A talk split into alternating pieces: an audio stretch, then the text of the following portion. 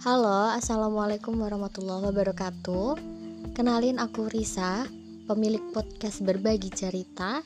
Dan oh ya, ini adalah podcast pertama kali aku Dan aku akan membawakan sebuah tema di episode pertama ini Yaitu quarter life crisis.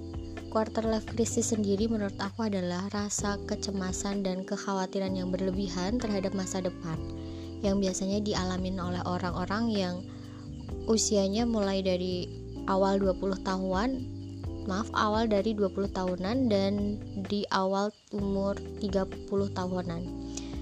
Tahun ini aku usianya 24 tahun dan aku pun masih sering merasakan hal-hal seperti itu. Dan ini akan aku ceritakan dan aku bagikan bagaimana cara aku menangani beberapa kejadian dan permasalahan yang biasa disebut self healing ya teman-teman. Oh ya ceritanya itu di awal tahun 2020 aku kita flashback dulu deh. Di, di akhir 2019 itu aku lulus kuliah dengan gelar S1 manajemen di salah satu universitas swasta di kota Semarang. Pada saat itu aku rasanya senang banget karena akhirnya aku berjuang dari tahun 2015 bisa terselesaikan di tahun 2019 yang awalnya aku pikir bisa lulus 4 tahun akhirnya aku bisa lulus tiga setengah tahun. Pada saat itu di akhir 2000, tahun 2019 aku mulai merancang mau kerja di mana mau jadi apa? Mau mulai dari mana mengirim CV lamaran dan lain-lain? Seperti itu. Dan alhamdulillahnya di awal tahun 2020 itu aku udah memiliki pekerjaan di salah satu perusahaan yang masih berkembang pada saat itu dengan ijazah baru aku dan dengan posisi dan jabatan yang sesuai dengan ijazah aku pada saat itu. Tetapi aku nggak bertahan lama sih waktu itu karena ada satu dua problem yang membuat aku harus resign di salah satu perusahaan tersebut. Oh ya di salah satu di perusahaan tersebut aku nggak ada masalah apa pun sih. Mungkin kendalanya adalah kurang terbiasa karena dulu aku nggak pernah kerja di bagian dan di posisi itu tidak ada jadi nggak ada nggak ada kebiasaan di situ. Makanya waktu itu aku ngerasa aku nggak cocok di sini kayak gitu. Jadi aku memilih untuk resign. Aku resign itu dan nganggur sekitar dua bulan ya dua bulan setelah dua bulan nganggur aku mendapatkan pekerjaan baru di sebuah perusahaan garment di posisi dan jabatan yang sama tetapi lingkungan dan industrinya yang berbeda. Nggak ada yang istimewa sih atau nggak ada hal-hal yang beda dari perusahaan sebelumnya. Tapi cuma beda kepemilikan karena yang sebelumnya itu kepemilikannya itu milik Korea yang kedua ini milik India. Mungkin kepemimpinannya juga berbeda-beda juga karena industrinya juga beda. Ini di industri garment. Aku pikir di sini aku tuh bisa lebih dewasa dalam menghadapi permasalahan kerjaan gitu. Dan aku pikir aku di sini bisa lebih lama bisa lebih betah dan lebih bisa mendapatkan ilmu dari pekerjaan ini gitu dan aku juga udah ngerasa betah sih di situ pada saat itu. Tapi semuanya itu berawal dari pas covid datang ke Indonesia. Awalnya aku pikir nggak akan berdampak separah itu separah sampai bikin aku down dan berada di titik terendah. Karena aku pikir nggak akan sesuai dengan ekspektasi-ekspektasi yang ada di luar negeri sampai lockdown sampai benar-benar nggak ada kehidupan di kota-kota gitu. Tapi ternyata salah. Sampai ada pengurangan karyawan sampai ada lockdown sampai ada yang di PHK dirumahkan. Nah pada saat itu di perusahaan aku itu awalnya semua karyawan dirumahkan dulu selama dua minggu. Karena ada berita COVID datang ke Indonesia dan harus di lockdown. Seperti itu. Ya udah aku waktu itu dirumahkan selama dua minggu. Dan aku pikir ya cuma dirumahkan gitu. Tetapi pada saat udah mau selesai nih dirumahkannya tiba-tiba aku dapat kabar dari pihak kantor bahwa aku harus selesai kontrak karena aku masih baru dan emang harus ada PHK karena dampak dari covid ini ya udah jadi aku dan teman-teman aku yang baru tiga bulan, empat bulan, lima bulan belum ada satu tahun harus diberhentikan seperti itu.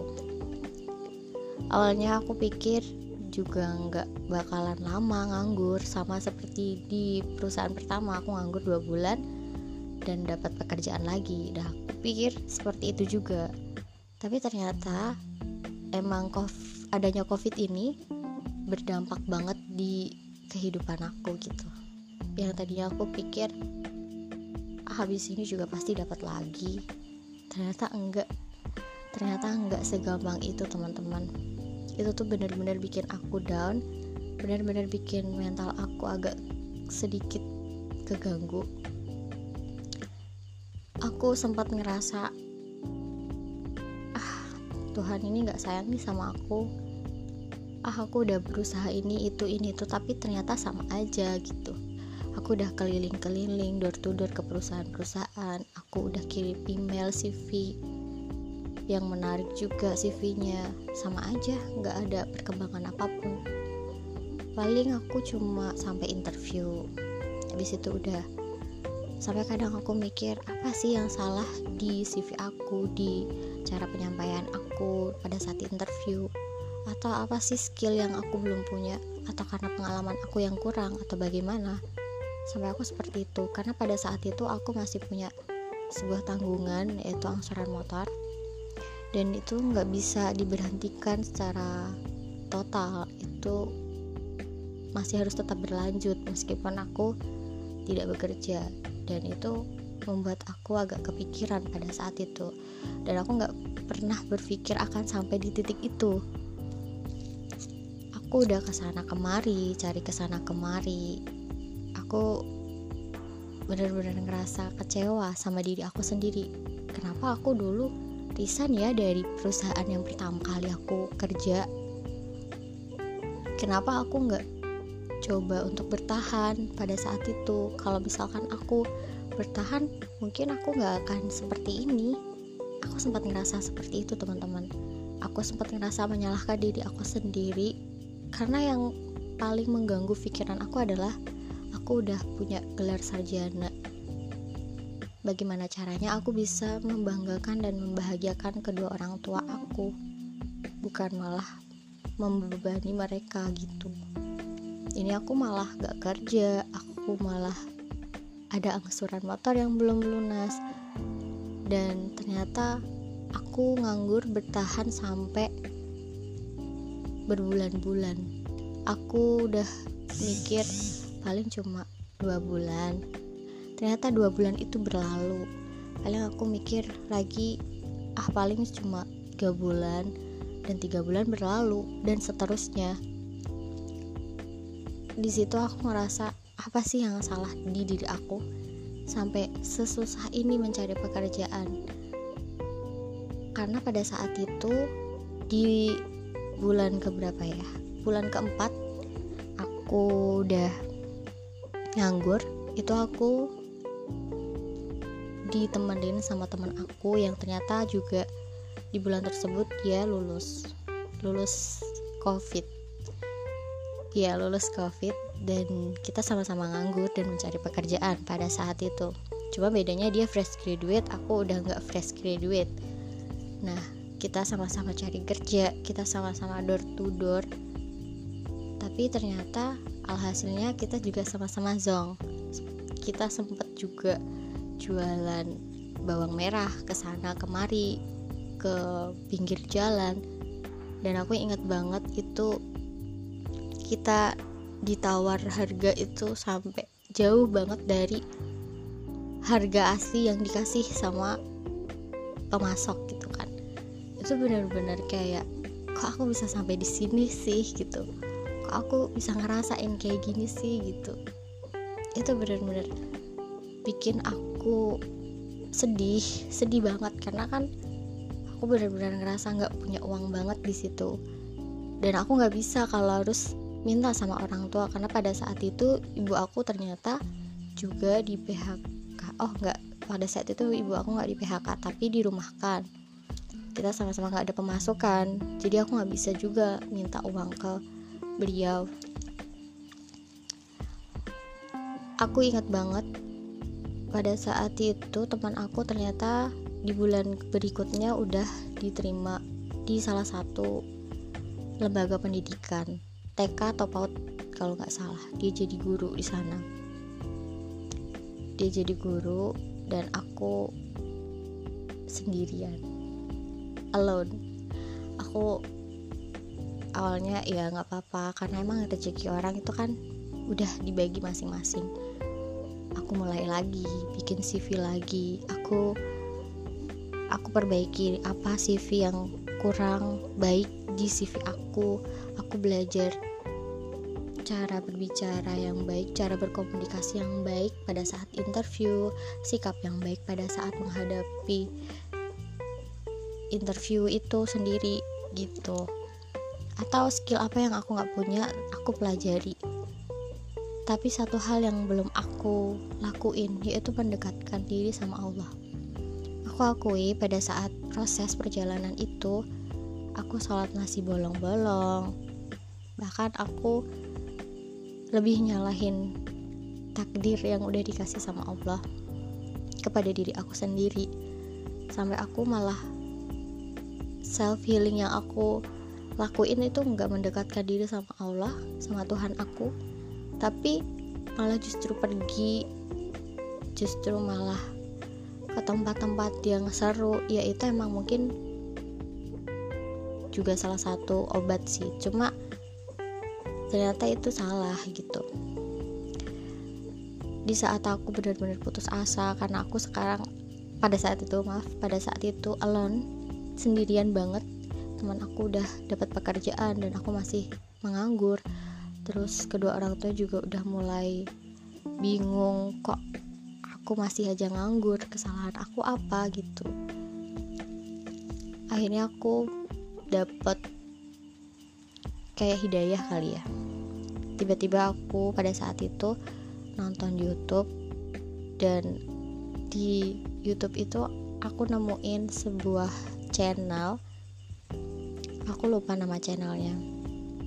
Tapi di situ dia si youtuber ini bikin testimoni keajaiban sholawat pada saat itu. Awalnya aku mikir ah masa sih keajaiban sholawat aku masih kayak gitu? Sholat aku juga masih nggak full bolong-bolong. Kadang kalau aku bangun kesiangan juga aku nggak mau sholat gitu. Aku terus kadang masih mager kadang sholat gak tepat waktu. Aku lihat channel itu masih nggak menggubris. Jadi aku tinggal cuma nonton sekali atau sampai beberapa menit aja kali ya aku masih lupa. Aku lupa waktu itu. Terus beberapa hari kemudiannya tiba-tiba itu muncul lagi gitu. Channel itu muncul lagi muncul terus sering muncul di beranda YouTube aku. Akhirnya lama-lama aku kayak tergerak sendiri gitu hatinya untuk nonton ini. Untuk nonton channel ini. Aku tonton sampai habis dan di situ dia intinya adalah memberikan edukasi bahwa akan ada keajaiban ketika kita mengamalkan sholawat, zikir, dan mengingat Allah. Seperti itu. Akhirnya aku mencoba dan awalnya mencoba sampai seminggu. sholawat, zikir, dan belajar sholat tepat waktu serta membaca surat Al-Waqiah sehabis sholat asar. Aku mencoba seminggu, aku nggak ngerasain apa pun, nggak ngerasain perubahan apa pun sama sekali. Dan aku udah down lagi, aku udah langsung ngedumel, ah channelnya bohong nih. Aku bilang kayak gitu. Ah sama aja, percuma. Aku bilang kayak gitu. Sampai aku bener-bener nangis pada saat itu. Kecewa gitu. Apa sih kenapa sih kok gini? Kok aku? Kenapa kok aku? Kenapa aku yang dikasih cobaan seperti ini? Kenapa aku yang merasakan hal seperti ini gitu? Terus aku nemuin channelnya Ustadz Yusuf Mansur pada pada saat itu. Aku tonton sampai habis dan di situ menjelaskan bahwa ketika kita dikasih cobaan, dikasih begitu banyak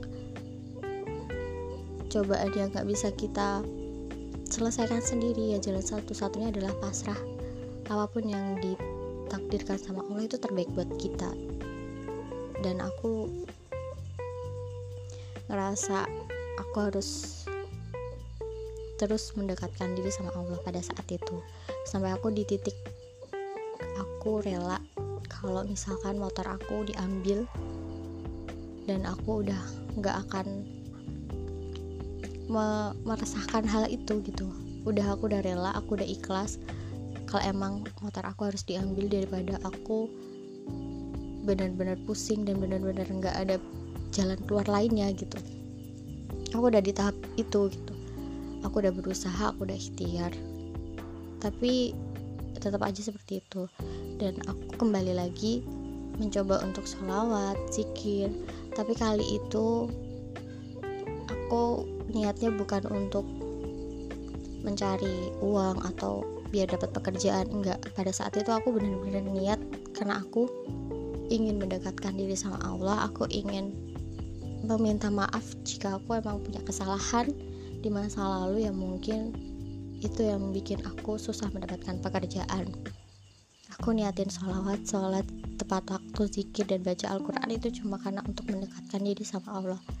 Dan tiba-tiba aku nggak nyangka tiba-tiba dapat notif email dari sebuah perusahaan di tempat aku bekerja saat ini. Aku dapat notif itu dan isinya panggilan interview besok paginya. Nah aku langsung sujud syukur dong pada saat itu.